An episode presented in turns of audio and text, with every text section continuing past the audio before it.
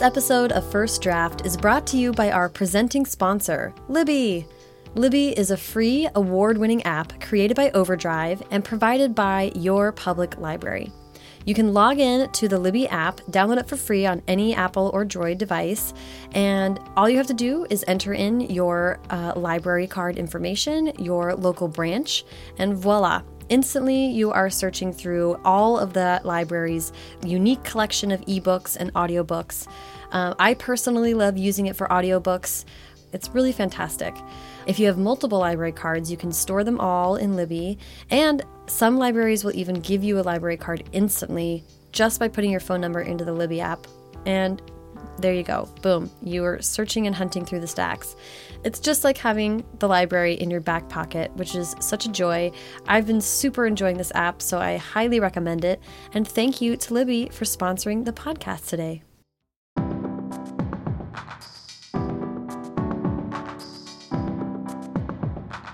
Welcome to First Draft with me, Sarah Enni. Today I'm talking to writer, comedian, and podcaster Gaby Dunn, who, along with her writing partner Allison Raskin, wrote the New York Times best-selling young adult novel I Hate Everyone But You. The sequel, Please Send Help, is out now. Gaby and Allison host the Just Between Us podcast and YouTube channel, and Gaby is also the host of the podcast Bad with Money and author of the book Bad with Money The Imperfect Art of Getting Your Financial Shit Together. I loved what Gaby had to say about the evolution of she and Allison's writing partnership how making a podcast about money is slowly radicalizing her, and how she's tapping into her past as a field reporter and journalist for future projects. So please sit back, relax, and enjoy the conversation. Okay, so first of all, you've been on the show before mm -hmm. with your uh, uh, comedy partner Allison Raskin. Mm -hmm. uh, today, we're just getting to talk to you one on one, which I'm excited about. Yeah. But everyone who's listening should check out your first episode with Allison, where we did yeah. go into some bio and some background. Mm -hmm. But it struck me that we can actually talk about a different bio for you relevant to this conversation, which is your financial background. Yeah, I have a money book that came out January yeah. 1st called Bad with Money. Yeah, and a podcast uh, by the oh same yeah, name. yeah, well it's based on the the Bad with Money podcast. Yeah. yeah. So I'd like I, let's start with with the Bad with Money stuff, and uh, and then we'll talk about the sequel and all that good stuff. Okay. But Bad with Money, I'd love to just hear like for people who maybe may not be familiar with the podcast or heard you talk about your financial story. What's your history with money, and then what led you to the podcast? Yeah, I'm not a money expert at all, which is why I started it. I started the podcast because I just couldn't find anything that started from the beginning. Mm-hmm. And so I was like, okay, I want to ask very basic questions. And I had uh, an offer from a network to do a podcast, and I thought, okay, I'll do something LGBTQ or I'll do something that uh, dating, like what I've you know already done. And um, I just became fascinated with like how is anyone making money ever? Because we never talk about it. Mm-hmm. So I said, Can I do a money show? And they were like, Okay, that's a little out of left field. Like, what? And I was like, Yeah, I just want to like talk to, have people on and talk to them about money. So we had the first season, I always call it finances and feelings because we had like friends of mine on, and I was just like, How do you make money? Yeah. What is this? What are you doing? Uh, and different people. Like, I, I was very much like, um, you know, what is a stock?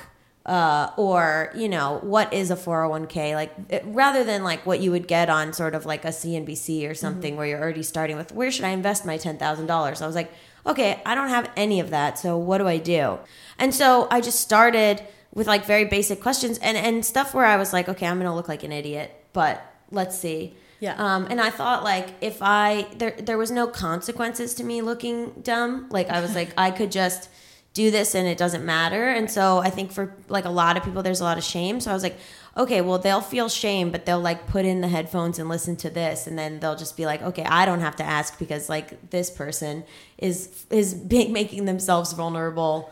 So, so, and then uh, slowly over time, I got like more educated about like economic systems and money. And then I just was like, this is all very unfair.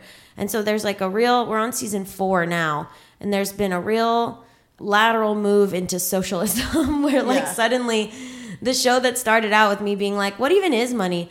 How do you even do anything with it? Has like become increasingly political and and very like I think like after the after Trump was elected, which was like during season 2, we were just like okay. So, it's kind of be gone from finances and feelings to we got to burn down the banks. I think is what I've been saying. kind of like that's a, a, slug line. I like well, that. the more you learn about it, the more you're like, this is fucked up, right? Mm-hmm. And I think a lot of times people are encouraged not to learn about it because it keeps them complacent. That's It's- my conspiracy theory hat. Well, it's intentionally confusing. Yeah. That's very real. right, to keep the poor people down and the rich people where they are. Yeah. And that makes total sense to me. Yeah. Yeah, it's within their interest. I mean, I I don't this is a very much a tangent, but there's something to like first of all, I love conspiracy theories anyway. Oh, yeah. But also there was just that gerrymandering case where they discovered the guy's hard drive, the Republican consultant's hard drive where it said we should put a citizenship question on the census because that will benefit Republicans. It's like there is Yeah. no such thing as a conspiracy theory. We are talking about people who are putting this in place. Like, yeah, that's their job. Right. It's not a conspiracy theory. It's very much like we'll make this jargon hard to learn so that Mm-hmm. people will feel scared to learn it, and we'll make the people who are disseminating the information do it in a way that is yelling or condescending, Yes. or mean, or just out of touch. Yeah. And so you know, there's a lot of people who are like, I have like fifty dollars. Right, right. So like, I, and I think like they there's a lot of isolationism where you believe you're the only one and you are embarrassed because you think you're the only person going through this, and then you realize once you realize it's systemic, is when you start to be like, wait a minute. yeah. So that's kind of what happened to me. Yeah. Well, what? So, what was it that made you? Because you're right to name shame as like one of the biggest Mm-hmm. Impediments, right, to educating yourself or admitting that you need help. Yeah. Um, generally, and a shame about being like really open, especially about just like naked numbers. Yeah. Um, I love numbers. yeah. I mean, you'd have to at least Yeah. now. What made you feel like brave enough to be so honest about your financial life? Because I've already said some dumb shit on the internet. You know what I mean? Like I was like, who? Everyone already is gonna. I've I've sort of as I've gone. I used to write stuff for the internet, and then if I got one mean comment, I would cry. And now I'm just like fully have people being like, "I'm gonna murder you," and I'm like, okay, like you and everyone else, buddy. Like it's a fucking Tuesday, Right. Like I line. I have just gotten. I don't care. Also, like with exact numbers, it is interesting because a lot of financial experts don't speak in exact numbers. Right. It's No. very um, general. And and- percents. They're very into percents. Yeah, and I I just think that doesn't help anyone. Like with salary transparency, it's important that you talk in exact numbers. Or um, if I'm saying what I think people should spend on or do, like you know, I don't know how much is supposed to be in my IRA at this point in my life. Well, if no one tells you an exact number, how are you going to know? Um, and it was embarrassing. I mean, I went through my budget for in the book. I go through my budget for a month, um, and I somehow spent six hundred dollars on Amazon, and I don't know how that happened. But I stopped because one, I think Amazon is a, a bad company, but two, except uh, buy my stuff, uh, buy buy my TV shows and podcasts, but. But I think they're a bad company, so I like don't really order things from there anymore. But I wouldn't have noticed that if I hadn't like broken it down and actually had to type out in a book six hundred dollars on Amazon, which is probably people are judgmental about. Probably or or like the experience I'm having is like relating to that really hard. You know, my podcast is about kind of storytelling and how we go about telling the stories we're passionate about. And it's so interesting to me. You're a comedian, you're a writer, you're a performer, and you're kind of a public figure because um, you and Allison have a really big following on YouTube. So you get the chance to to tackle this very dry and challenging subject. How did you go about conceiving like what the show was going to be and how you were going to kind of make it interesting? Well, I went to school for journalism, and I one thing that I learned from interviewing people that I've found helpful is um, if I was going to ask a really tough question, I would start by like saying a story of my own. So you, I try to put human faces to it or human voices, so that people feel like they're talk they're hearing from a real person. They're talking Yeah. to a real person, not an expert who lives in a mansion. And I always think of the um the 30 Rock bit where Tracy thinks that he can't relate to people anymore. So he's just he's just like doing stand up and he's like, "You ever see people eat lobster on St. Bart's? It's like, "Meh, meh, meh, meh, meh, meh. why are they eating it like that?" And then the audience is like not laughing cuz that's what? That's not a relatable experience. So he's like, "Oh my god, I've lost touch with my audience. I can't relate to them anymore." So I always want to have people who are not that. Right. Yeah. the other the like what's interesting to me looking back, you've had four seasons of the show now, so we've we can sort mm-hmm. it's easy to look back and construct a narrative, but but what's interesting to me is within each show you do a great job of bringing in new voices and telling other people's stories, but there's this overarching narrative about your personal development, mm-hmm. financial development. And I think, and this is again looking back, but like for listeners, it's kind of like they partly want to join in to like see you like eliminate your debt or grow. you know, mm-hmm, there's some like mm-hmm. desire for the main character to change Yeah. and be affected. Was that like pressure? Did you did you think about that? No, as soon as I started learning things, I was like, holy crap. I mean, I think I always say like the theme has been just watching the socialist radicalization of some girl, like becoming like start character development You is just like are Elizabeth Warren at the end of the show. yeah, like character development. Like I started so like naively, and then over the course of four seasons, I'm just the we recorded one today, and I'm fully screaming into the microphone. So like we've really, it's become this very like tinfoil hat sort of situation, which I talk about in in the Bad with Money book. I talk about feeling like Charlie from It's Always Sunny, where he's like, there is no Carol in HR. This is fully what I've become. um, so that's like a huge trajectory people follow me on, and then also everything changed. Like you know, I I started a retirement account. I care about like who my accountant is, and I make sure that I want to know that they're a good person, and I want to I want to know what I'm investing in, and because I I was also a couple projects we did, I got paid more money than I'd ever seen in my whole life. And um, I paid off some student loans, and then I still have some. And then I have one. And then I was like, just didn't know what to, like, I had money for the first time, but I didn't know what to do with it. So I kind of blew through some of it in these very weird, irresponsible ways. And then it was like, oh, even if you have money, you can still be bad with it.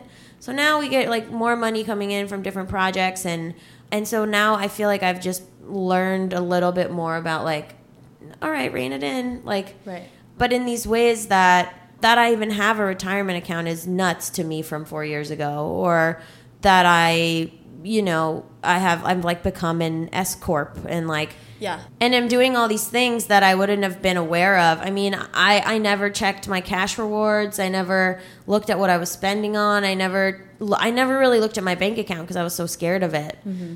I think the only way that I was able to do all of this or motivate myself to do all of this was to make it a full time job.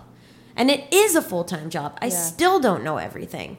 So I can't imagine the average person who like has a regular job and then has to go home and be like, okay, bills and this and that, which I still have to do, but like I've made studying money like my job for the last four years. Yeah. Because that's how hard it was. Yeah, yeah.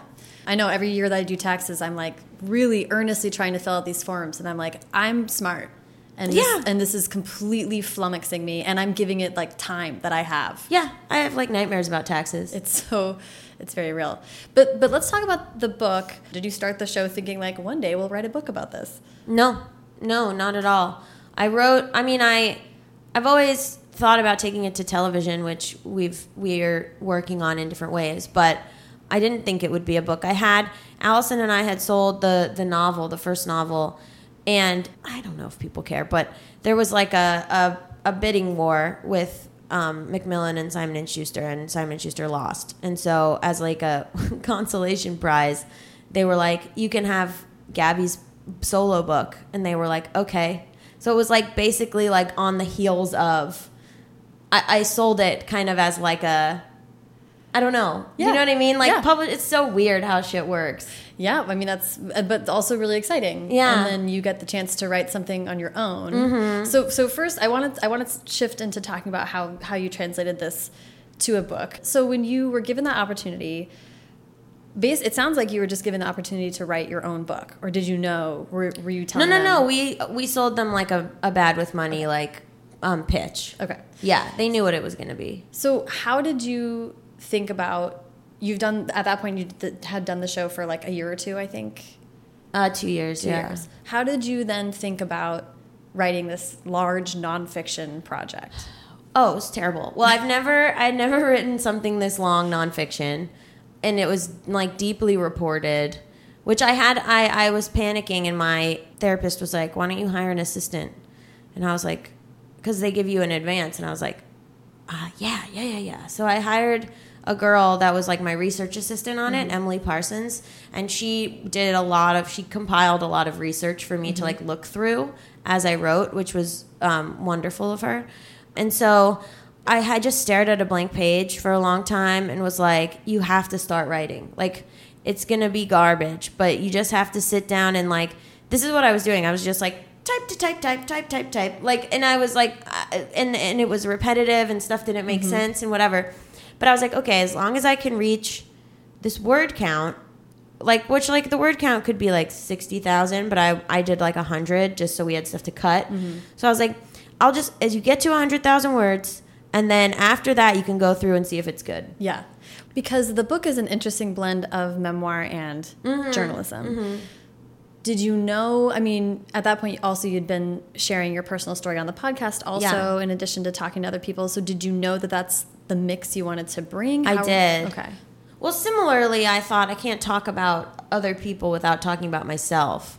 So I knew that I was going to have to tell a lot of my personal stories, and I think a lot of them were indicative of like our generation or like I did an unpaid internship that almost fucking killed me and so that was like easy to lead into unpaid internship stuff. I had a lot of like gig economy experience and so I was able to write about like gig economy life. My and I also the beginning of the book is very much about like how family like basically influences the way you think about money. Mm-hmm. And my family's nuts. So I I wrote a lot about you know gen- intergenerational trauma and the way that like things in my family shook out. And I actually got to I interviewed my grandmother in November and I, we finished her part in like April and then she passed away in June. And then the book came out in January, so she never got to see it, Wow. but she's in it. But yeah, so so I felt like I had to share my own stuff, yeah, in order to. So it's weird because they're like the genre is like financial memoir, Right. Which is like not a thing, but now Yeah. is a thing. It's interesting. So, was was that was your personal background sort of guiding all of the different beats about the Yeah. economy that you wanted to hit? That's kind of how you. yeah because i didn't want i'm not i don't come from a wealthy family i and also like there's a lot in the book. It's funny i love when people say the book is very queer which it is. Like my friends i mean the the life i have like my friends are queer. Like i had a girlfriend at the time when we were when i was writing on the book. So it was a lot of like okay well for the chapter about marriage and kids it was sort of like how how are you know my girlfriend and i are both cis women. How are we going to have a kid? Or like what's that going to cost us? Or just a, a lot of different um different ways of looking at things that weren't just straight. Yeah. And also like thinking about my friends and being like okay like yeah we can have a healthcare chapter but like what does that look like for trans people or whatever? Mm-hmm. Just because like i think a lot of financial books assume that everyone is sort of like a middle to upper class able-bodied cis straight white person. Yeah. Let's talk about the actual physical process of writing this book because when you and you and Allison were on the show talking about like your dynamic about Mm-hmm. writing the first fiction, so then this is all you. Mm-hmm. How did how did that process go? Hor- horrible. I don't know. I had to. no, it was great. Please have me write another one. No, I. I mean, I made a list of what the chapters would be. That got changed entirely over the course. I took a year.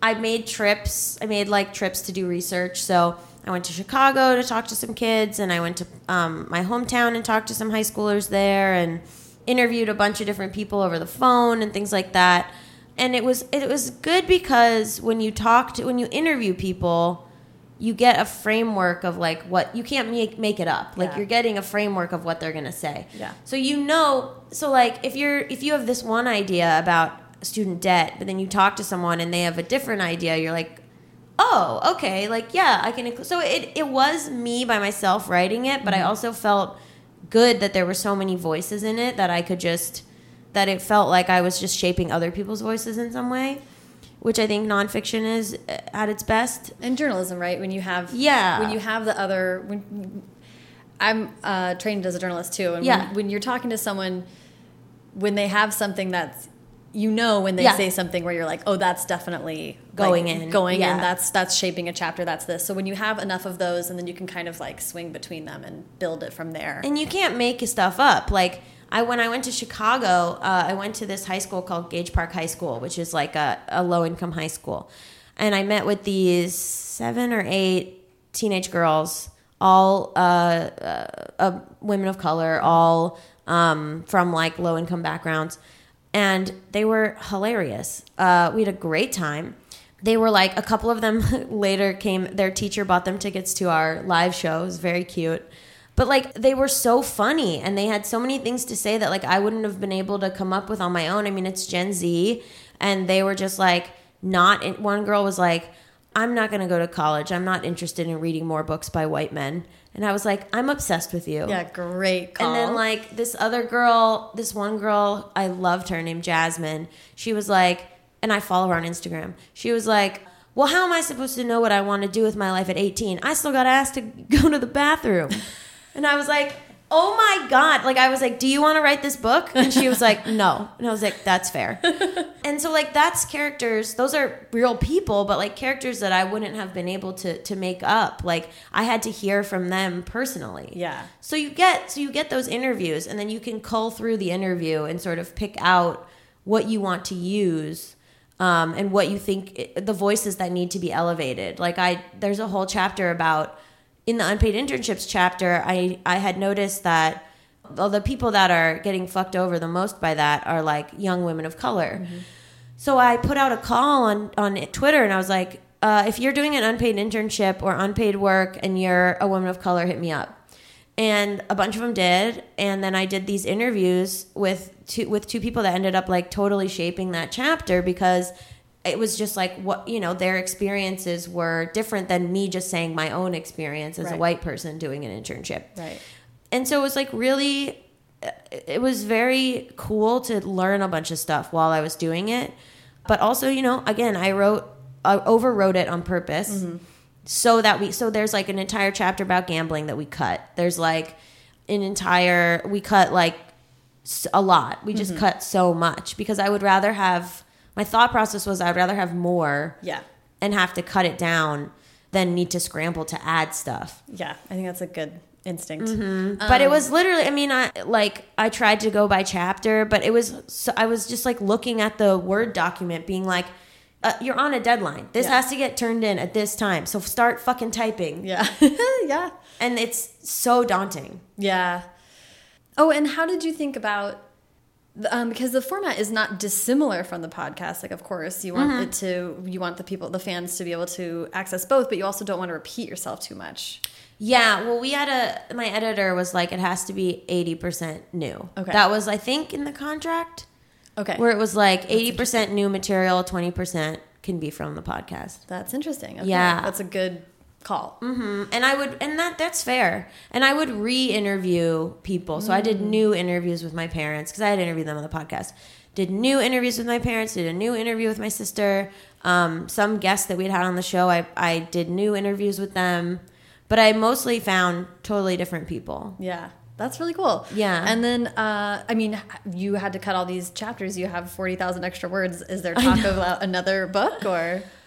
I don't know because I love um, Broke Millennial, and she did Broke Millennial, and then she just had Broke Millennial takes on investing, and I was like, "You're a genius" because you like made it a, a series, and she's like, "Yeah, I, I it was a three book deal," and I was like, "Oh, you brilliant bitch!" like I was like, "Yeah." Uh, we didn't do that, so I don't know. I mean, I, I it would have to be like bad with money and then something specific now. Bad with money. Um, Uh, yeah, burn the banks is burn the banks. Bad with money has gone full socialist. Yeah it would have to be like focused because like she her, she- her third book too is also focused on a specific thing. And i was like okay okay interesting. So i would have to sit down and be like because i couldn't do it again. I would have to sit down and be like okay bad with money. And then maybe it would be something like you know bad with money takes on like a certain like political issues or something, you know, where it's like takes on sexism or something, Yeah. you know, where it's like focused on one on one specific thing. Bad Yeah. with money, money for women or whatever it would Yeah. be. Yeah. Which sounds great to me. yeah. Um, last question about about Bad with Money, and then Mm-hmm. we'll talk about fiction. But um, you also got to talk to Suze Orman, which I did. for me personally was yes. a big moment. Well, yeah, she and I have agreed to disagree. Mm-hmm. Um, but she we talked we talked on the phone for a couple hours. She saw me on CNBC and she was like, "I want to talk to you on the phone off the record." And I was like, mm-hmm. "Okay." So we talked on the phone. And, and it's basically, I mean, we're two of the only, I mean, can you name any other queer women that work in the money space? It's just me and her. So I was like, okay, I'll, you know, I was like, I respect you. Like, we are the two gay ladies in this space. Like, I appreciate the trailblazing that you've done and everything. But when I had her on the podcast, I was like, very impressed with a lot of stuff. But I was also like, do you, you know, she talked about being very aggressive in the workplace. And I was like, well, I think that's something that perhaps Black and Latinx women would not feel as comfortable doing. right. And then, and that's like not really what she, but then, you know, it's interesting because she does a lot of work that doesn't get reported on with financial abuse and domestic abuse survivors. So she does a lot of like good things, but they don't really get covered as much as her saying, like, don't buy the latte, Yeah, never lease the car or whatever. Ugh, which is so like, ah, we're okay. like, don't, I mean, so I asked her, like, do you feel you're, that you're out of touch? And she was kind of like, no, I've earned everything. And I was like, I understand that, but I think she and I just have to sort of agree to disagree on the importance of systemic issues. Yeah. Yeah, I mean, this is where like generational feminism shifts are. Yeah, because Real. she is like feminist. Like she really, she really cares about domestic abuse survivors and helping women get out of like financially abusive situations. Mm-hmm. It's a complicated figure, that Suze Orman. She is, Mm-hmm. but she also like just loomed large for for me in my brain about thinking about money as a kid. I mean, I remember watching her on TV in college and just and she was such a refreshing like, oh, it's a woman talking to me about this. Like that Yeah. immediately felt so much better. yeah, she is iconic. It is interesting to see how Gen Z will take her. You yeah. know what I mean? Yeah. But she also is like, my books do well. I've done what I need to do. Like, I don't think she's pressed about it at all. Nah, she's got an island. Yeah, she doesn't care really. She's having a good time. Uh, well, that is so exciting. So let's talk about about fiction. When you were on with Allison Mm-hmm. before, uh, we were talking about "I Hate Everyone But You," Yeah, the first book from 2017. which was so fun. I really enjoyed it. It was such a like. It was genuinely super funny. The format was really cool, like Thanks. text messages and emails, and Thank you. um, took place with two. Well, I, I I'll let you pitch the book, but um, I'm so excited to talk about the sequel. Yeah. If you don't mind pitching kind of the series. Uh, well, I Hate Everyone But You is about two best friends, Jen and Ava, and they live on opposite coasts. They, they've always lived in LA and they've always been best friends. But then Jen goes to Emerson College in Boston, which is actually where I went to school, and Ava goes to um, USC, where Allison went to school.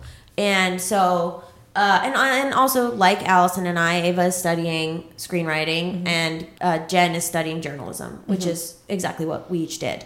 We weren't friends when we were like 18 so the first book is like kind of almost a uh, like a reinventing of history like what if we had been friends during that time?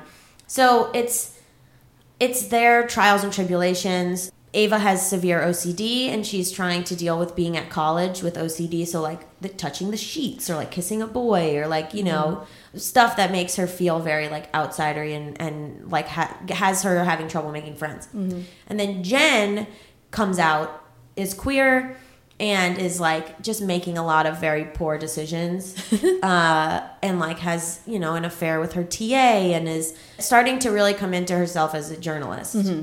And figuring out like what what is important to her with journalism and what that means to Yeah. her.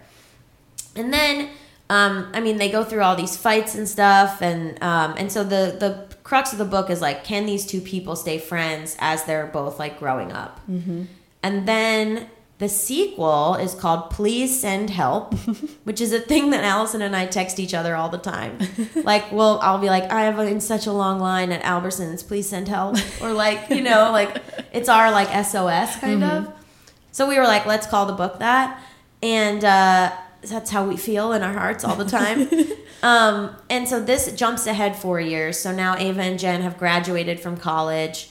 Ava's in New York working as an intern on a like daily show type last week tonight show Mm-hmm. called Mind the Gap with Helena McBride. That's like a like a full frontal with Sam Bee. Mm-hmm. And then Jen is in Florida. She got a reporting job in like Nowheresville, Florida. Yeah. And I'm from Florida. So I was like, here's my pitch. She's got to go to Florida. and Allison's from New York. So she was like, okay, Alice, uh, Ava's in New York. That's cool. So yeah, so we were drawing on a lot of real life stuff. But so now they're in the same time zone, but they're still not together. Right. So it's still this long distance friendship. And Ava's like, she's not having as much fun as she thought she would, but she's also like figuring out, like, she's got sort of this gaslighting situation with this guy at her work. And then Gen is, we don't explicitly go into, like, Gen's having some like addiction, alcoholism stuff, and can't find LGBTQ community in the mm-hmm. South. Yeah. Is really trying to figure that out. Mm-hmm. And then I, I can't say what it is, but Allison came up with an incredible twist the last third of the book. And I, when she said it, I was just like, that's brilliant. And so I'm really excited to see how people react to that actually. Yeah. Yeah. Okay. Because I think it's something that we haven't really seen in YA. And I like, we had a sensitivity reader for it. And she was like, this is so cool and great. So That's we'll awesome. see. Yeah. Okay. Exciting. That's my pitch. Read it. Find out the twist. Yeah. Seriously. So I hate everyone, but you came out and hit the New York Times bestseller list. Number nine. Super exciting. um, Right at the bottom, baby. hey, that's all you need. Um, suck on that, number 10 Mm-hmm. But how for, how did that feel? What was it like to to have that experience with your guys' debut book? We were so worried it wasn't going to happen, which is so entitled. But we were like, oh no. Because we did a, a thing where we toured, because the New York Times bestseller list is a little bit of a sham. I don't, sorry, put us back on there. I apologize. But, uh, but it is because the way that the sales are done or something, it's, it's, it's not what you would think. They don't share their algorithm. It's very confusing. Pre-order Yeah. pre-orders on certain sites aren't counted. It's just right. kind of it's a mess. like kind of a mess. And so we we toured the first week, and uh, every ticket to the to the tour came with a book. Mm-hmm. And I think that's what propelled us because we were uh, able to sell tickets to our live shows, Mm-hmm. which which we can do because we and we did we did a full variety show. It was not a book signing. It was like live sketches, like videos, like it was an hour and a half long fucking Broadway That's production that we put on. I had wigs. It was insane. um, and so from do from selling tickets to that, because people were like, "Well, I want to see this." Is like we're giving them their money's worth. They got the the book too. So it felt, but we were like refreshing, refreshing, trying to figure out if it was going to show up. We were very nervous and scared. Um, and then we were shooting a sketch where Allison had to be naked, and it showed up.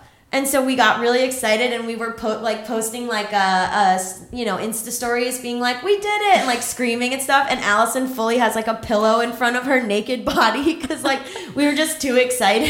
That's so funny. So like people are like, we're like, we're shooting a sketch. That's why we look like this. but we were like very, very. Uh, it was, it was, it like solidified. It was good. yeah, that's. I mean, it's really exciting. It's really. You guys have worked hard for a long time, so you and it's hard to find milestones. You're just Um, like, does anyone care? you guys care. That's what matters. No, yeah, that's true. But we were sort of like, yeah, you, you, because we've sold a lot of television shows that haven't gone anywhere, so it is hard to find milestones. Right. But you, the book has this great reception. It's also like a beautiful book. It's like bright and fun looking. Mm-hmm. Oh, I love what they do with the covers. It's so cool. Yeah, they're both really cool. Were, was it a too big deal to begin with? Did you know No. that? Okay. No, it was not a two book deal. We after I hate everyone but you, we were able to sell Please Send Help. Okay. After that, Did you know they had they had a first look. Like they were like, for your next fiction, you Yeah. need to be able to see it. Okay. Did you guys? I mean, because I know writing it wasn't like the easiest thing in the world, but did you no, know? she and I fight all the time. um, yeah, we uh, we rented an office.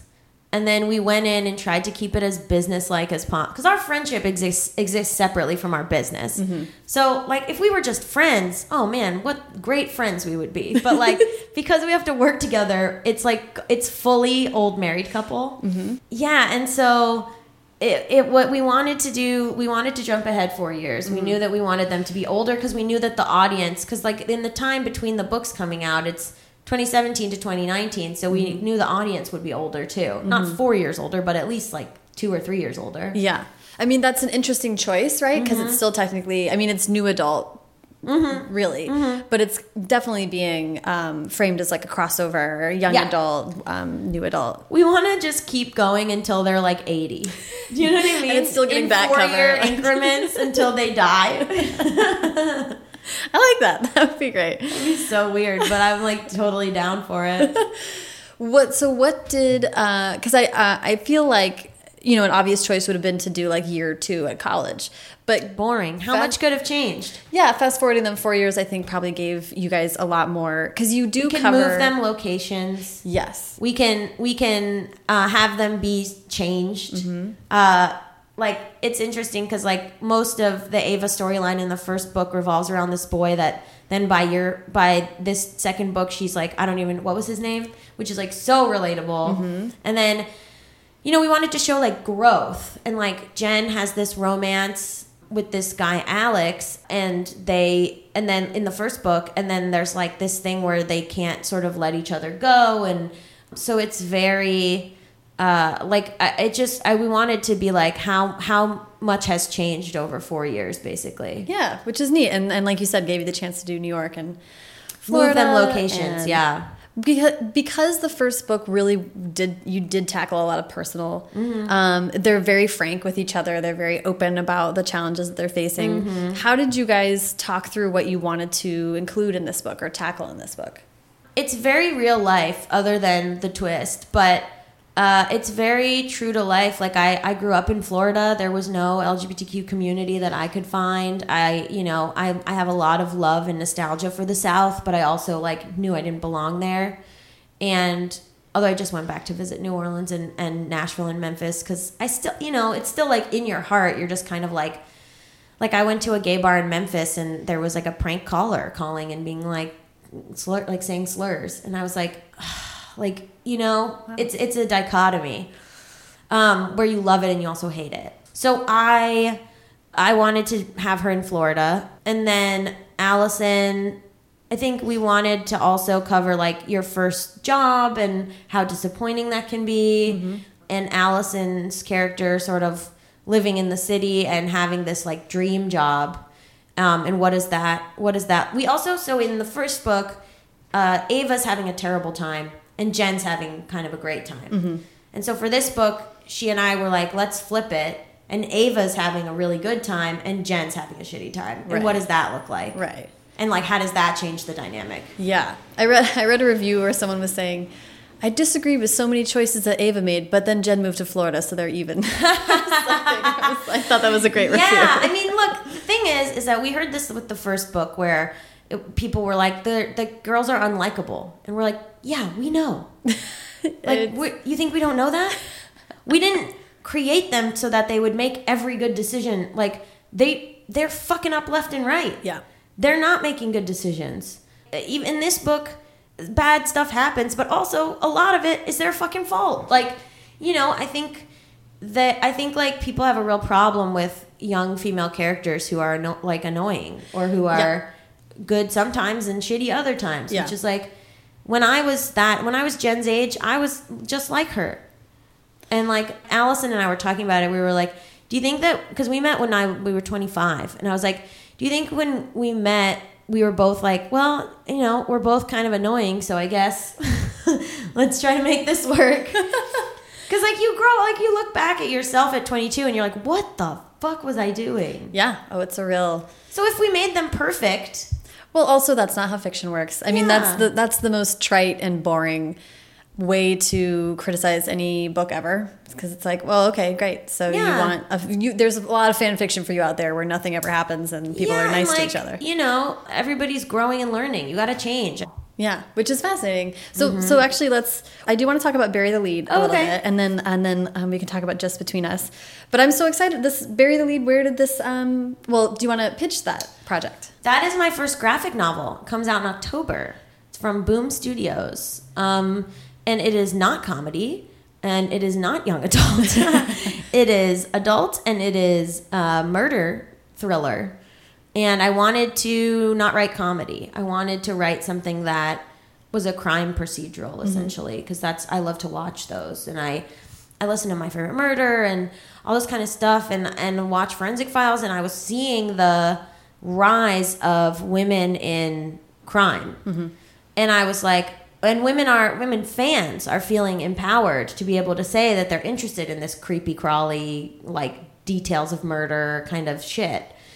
Because it's not just now you at your house being like, why am I so weird? You know, there's Right. like full auditoriums going to see my favorite murder. So, Yeah. and and I multiple friends, I was like, when you go to a hotel room, what do you put on? And everyone was like, forensic files. And I was like, oh my god, okay, Yeah. like you're starting to like almost come out of the closet about it. So I wanted to I wanted to move away from just comedy. I wanted to show people that I could write other stuff and I hopefully want to like move more into the sort of crime procedural space because I really love it. I uh, Bury the Lede is about a 21 year old intern at the Boston Lead who is like just a regular intern, and then this uh, socialite commits a murder and then is in jail, and the only person that she'll speak to is this intern. Mm-hmm. And so then, it, and we don't know why, and then it begins this big like cat and mouse game, and everyone is like confused as to why this little intern is the only one that she'll talk to, and what's what's the real story, and um, and so it, it's uh, I was describing it as like it's like Killing Eve, or like I was pitching it initially because I pitched it before Killing Eve was a TV show, but um, it, I was calling it Lesbian Hannibal. That's a, I, I saw that description online, which is a great selling point. I love that. yeah, because there's a very, uh, it's a very queer book. A lot of the characters are very casually queer. Uh, a lot of, most of them are, except for maybe two, are people of color. Like, you know, and I had the main girl is Chinese American, and I had a friend of mine who is Chinese American look at it and, and give me notes and work on it with me. But I wanted to write something where it was like, showed the diversity of the newsroom. So I basically it came from because I worked for the Boston Globe in in college, Right. and these are kind of stories that I mashed together a bunch of things that I saw while I was there. Yeah, I, I was reading that you had the like 6 p.m. to 2:30 in the morning shift. or- Absolutely, and so I would show up and I would get a car and a police radio, and I would drive around looking for stories, Wow. and that was from six p.m. to two in the morning, The whole panoply of human experience. and I was nineteen. wow. and I lied to my parents and I said I had a big, strong photographer with me, but it was not true. Um, and so, in my mind, I would always go, Well, I'm listening to it on the radio, so when I get there, the cops are already there, so how dangerous could it be? The logic of a teenager. You know what I mean? I mean, what was that? What was that like? What are some of the things that you? terrifying, but I also I loved it. But it's like very like we had a weird JBU episode where I was like we were we were doing makeup and for some and I just like to be like weird. So we were like doing our makeup and I was like, "You guys ever seen a dead body?" and they were like, "Uh, what?"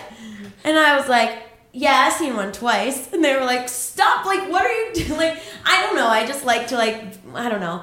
So I was just trying to make it interesting, but um but yeah, it was like really. Uh, there was a lot of weird shit. I mean, I like you know, there's no kitten parades happening at that hour, so I covered a lot of strange things. But the stuff that I witnessed, like just even as an intern, the stuff that I witnessed in the newsroom, like the main character in the in Bury the Lede or the main villain comes from. Did you ever? Do you remember the Clark Rockefeller case? No. it was this guy in Boston who was posing as like a, a social like a socialite was posing as like a rich guy. Mm-hmm. And he had married this woman and had a child.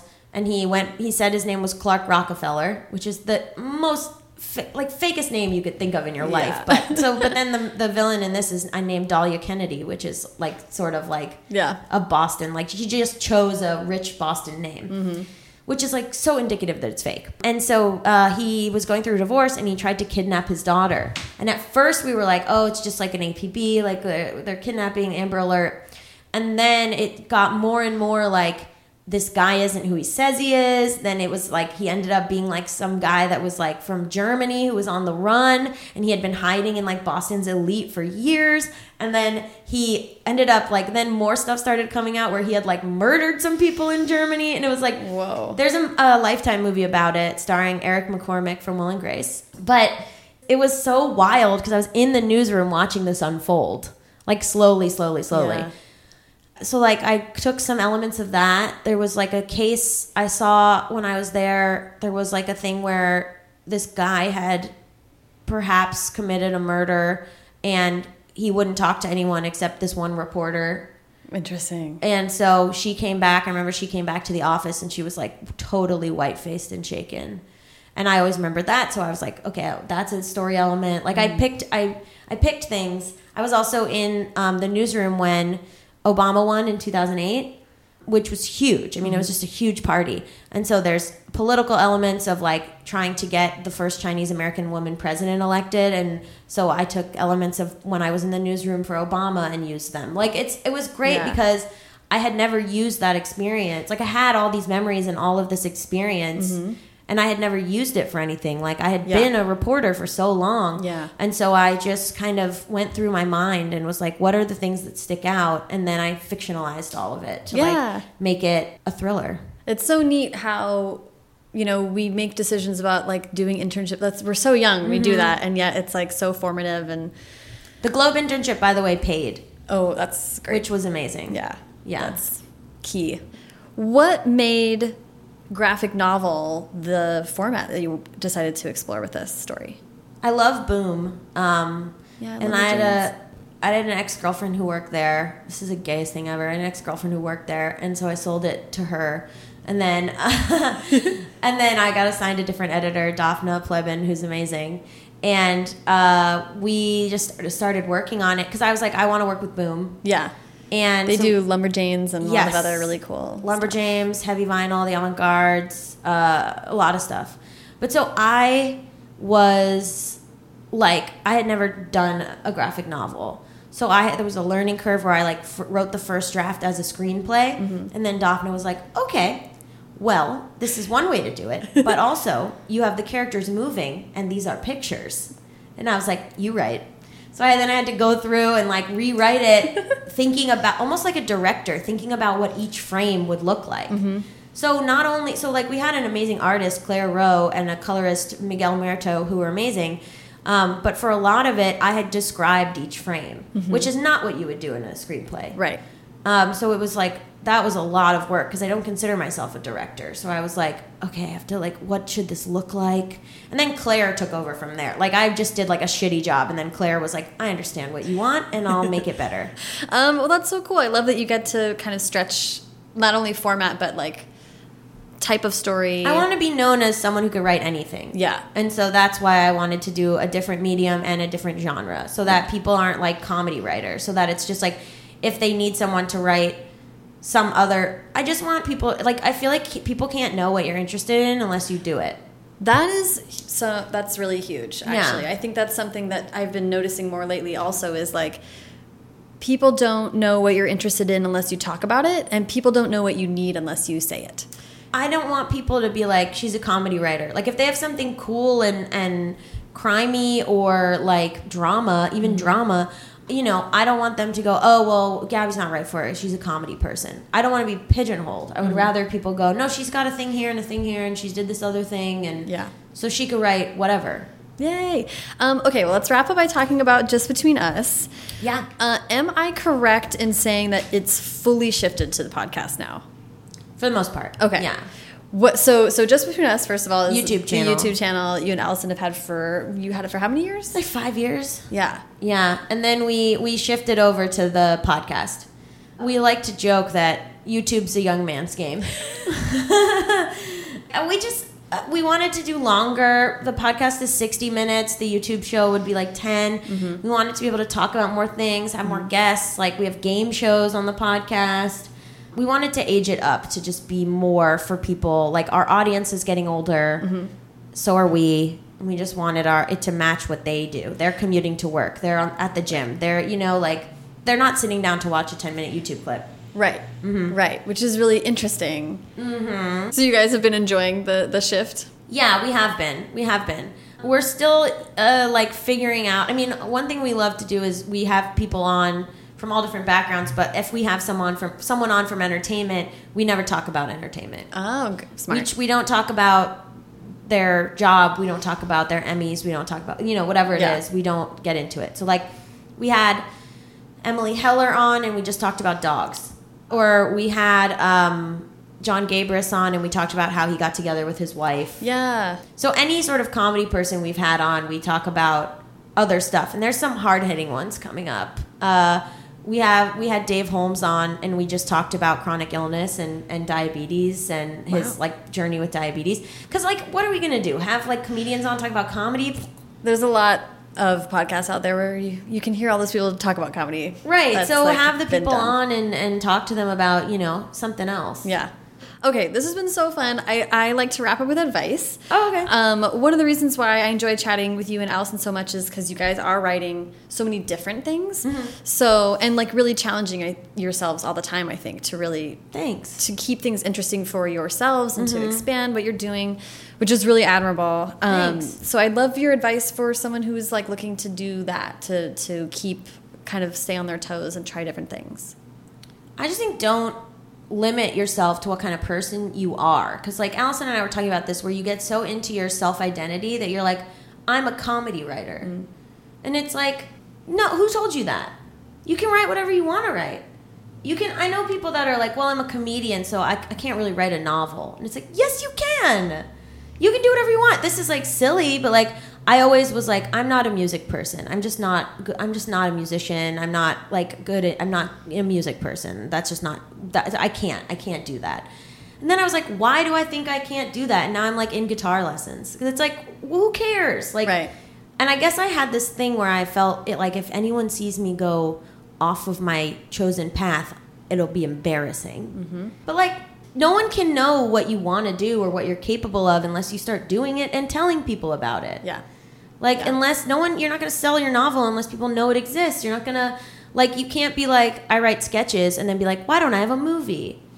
Like any anything with anything. Like if you work somewhere uh, and your boss doesn't know that you would want a promotion, you know, you should mention that you would like a promotion. How people can't help you if you don't tell them what you need. There's a lot of, and I don't know where this comes from, um, and I think it's true for a lot of people, but but women too. It's just kind of like, just like put your head down, work hard, and then like wait for someone to like recognize your brilliance. Yeah, and it's scary to to speak up because people are gonna laugh at you. I'll tell you what. When I first started making stuff for the internet, I had a lot. I had these friends who were also comedians, and I was making like YouTube videos and and writing in a blog, mm-hmm. like a personal blog. And I had a couple people be like, "Hey, you're embarrassing yourself." Like what you're doing is embarrassing like you you posting all this stuff and like posting these videos and stuff like you gotta stop like it's whatever and i was devastated but i was also like well i'm not gonna stop Yeah. and then now i hope they're very upset because i'm have a career Yeah, I'm not going to stop, and also fuck you. because I think a lot of people never post their first video or never post their first piece of writing because they think that their even their friends will make fun of them. Mm-hmm. And my friends were making fun of me when I started. And I was like, well, okay. And I'm not friends with those people anymore. I was going to say, there's, I mean, there's a lot of, I've been reading a lot of books lately about whatever personal growth and stuff like that. And it was like, listen, if you decide to be serious about yourself, there's always going to be people that don't want you to succeed. And actually, Any, and for anything, people that go into like recovery and like AA, their friends are like, you know, like Yeah. people like any sort of change that you make, people are going to be like, it scares Uh, people. yeah they, they don't like it or they're jealous or whatever it is so they just start being like really annoying about it and and they're like well i don't think that's who you are or whatever and then it's like but if that's what you want to do then keep then you should do it because uh, ultimately it's probably better for you Yeah, and is that choice more or less important than these friends, quote Yeah, unquote? you can't do things for other people Yeah. That's It- why i just say what i want and then my parents can deal with it later well, it reminds me of I think that one of the early episodes of Bad with Money, you had um, a financial therapist or oh brad psychologist. Klontz. yeah brad Klontz. And he was talking about the cycle of poverty and how a lot of it is like social pressure Mm-hmm. within uh, families of of low income families, like if someone like makes quote unquote makes it out or succeeds. Oh, look at you. You think you're better than everyone. Yeah, Yeah. of course. Which is like has happened to me too. Where people like like people have said stuff to me like, "Oh, you think that you're like some big shot, whatever the fuck now." And it's like, "Okay, well if I had made myself smaller for you, then where would I be? I don't Yeah. even have any money." Yeah, right. And where's the fireworks show for that? Like, no thanks. No, there isn't. There's no benefit. And there could have been people who were like, like it was interesting when I was meeting people at ALA. They were like, "Oh yeah, I know you from like the podcast and YouTube, but I had no idea you were interested in writing comics. Like it's so interesting that you have a comic book out." And I was like, "Yes, it is interesting." You know, what am I supposed to say to that? Right. Yeah. Uh, and it's easy to get kind of put into a box, like you're saying, like, oh, I'm, I'm only a comic, I can't write a book. It's like, well, that's well, you picked that up somewhere, sure, but now it's time to like grow up and get over it. I've also always just been a writer. Like since I was like in second grade, I've just been like I am a writer. And when I was in, and so like when I studied journalism and was doing journalism, and I was like I'm a journalist, I was a writer. When I wrote my first screen, I wrote my first uh, script when I was still working in journalism, and people were like, "Well, you can't write scripts. You're a reporter." And I was like, "No." Like I'm still just a writer. So whatever form that comes in, great. Yeah. Yeah. Well, I love that. Thanks. Um, this has been so fun, Gaby. Thank you for coming by. Oh, thank you for having me. Yay. Thank you so much to Gaby. Follow her on Twitter at Gaby Dunn and Instagram at Gabby Road. And follow me on both at Sarah Enni and the show at First Draft Pod. There are links to everything Gaby and I talked about in this episode in the show notes, which are available at firstdraftpod.com. And while you're on their website, you should also sign up for the First Draft newsletter. It's a great way to make sure you don't miss any episodes, to get podcast and book recommendations from me, um, and just to be uh, kept updated on all things that are happening over here. Hopefully, some exciting stuff coming up. So, uh, sign up for the newsletter and don't miss a beat. If you enjoyed the show today, please subscribe to First Draft wherever you're listening to the podcast right at this moment and leave a rating or review on iTunes. It doesn't take that long. It makes a huge difference for the show and helps other listeners find us. Um, and it just makes you, I think, a good person. Haley Hirschman produced this episode. The theme music is by Dan Bailey, and the logo was designed by Colin Keith. Thanks to web guru Tasneem Daoud and transcriptionist at large Julie Anderson. And as ever, thanks to you, recovering Floridians, for listening. This episode of First Draft is brought to you by our presenting sponsor, Libby. Libby is a free, award winning app which was created by Overdrive and works right through your public library. All you have to do is download Libby on any Apple or Android device, uh, log in with your library card number. You can use multiple library cards if you have those, and find your local branch, connect with that, and instantly you are searching through that library's unique collection of ebooks and audiobooks. You can download the ebooks uh, and audiobooks right to your phone instantly or put them on hold. Through Libby, you can also read or listen to a sample of any book before you actually take it out of the library. You can also return your books early. They have a night mode, a special font for readers with dyslexia. It also is really easy to use. The interface was so simple. So I've really been enjoying it, and I think you will too. So go download Libby, and thank you, Libby, for sponsoring the podcast today.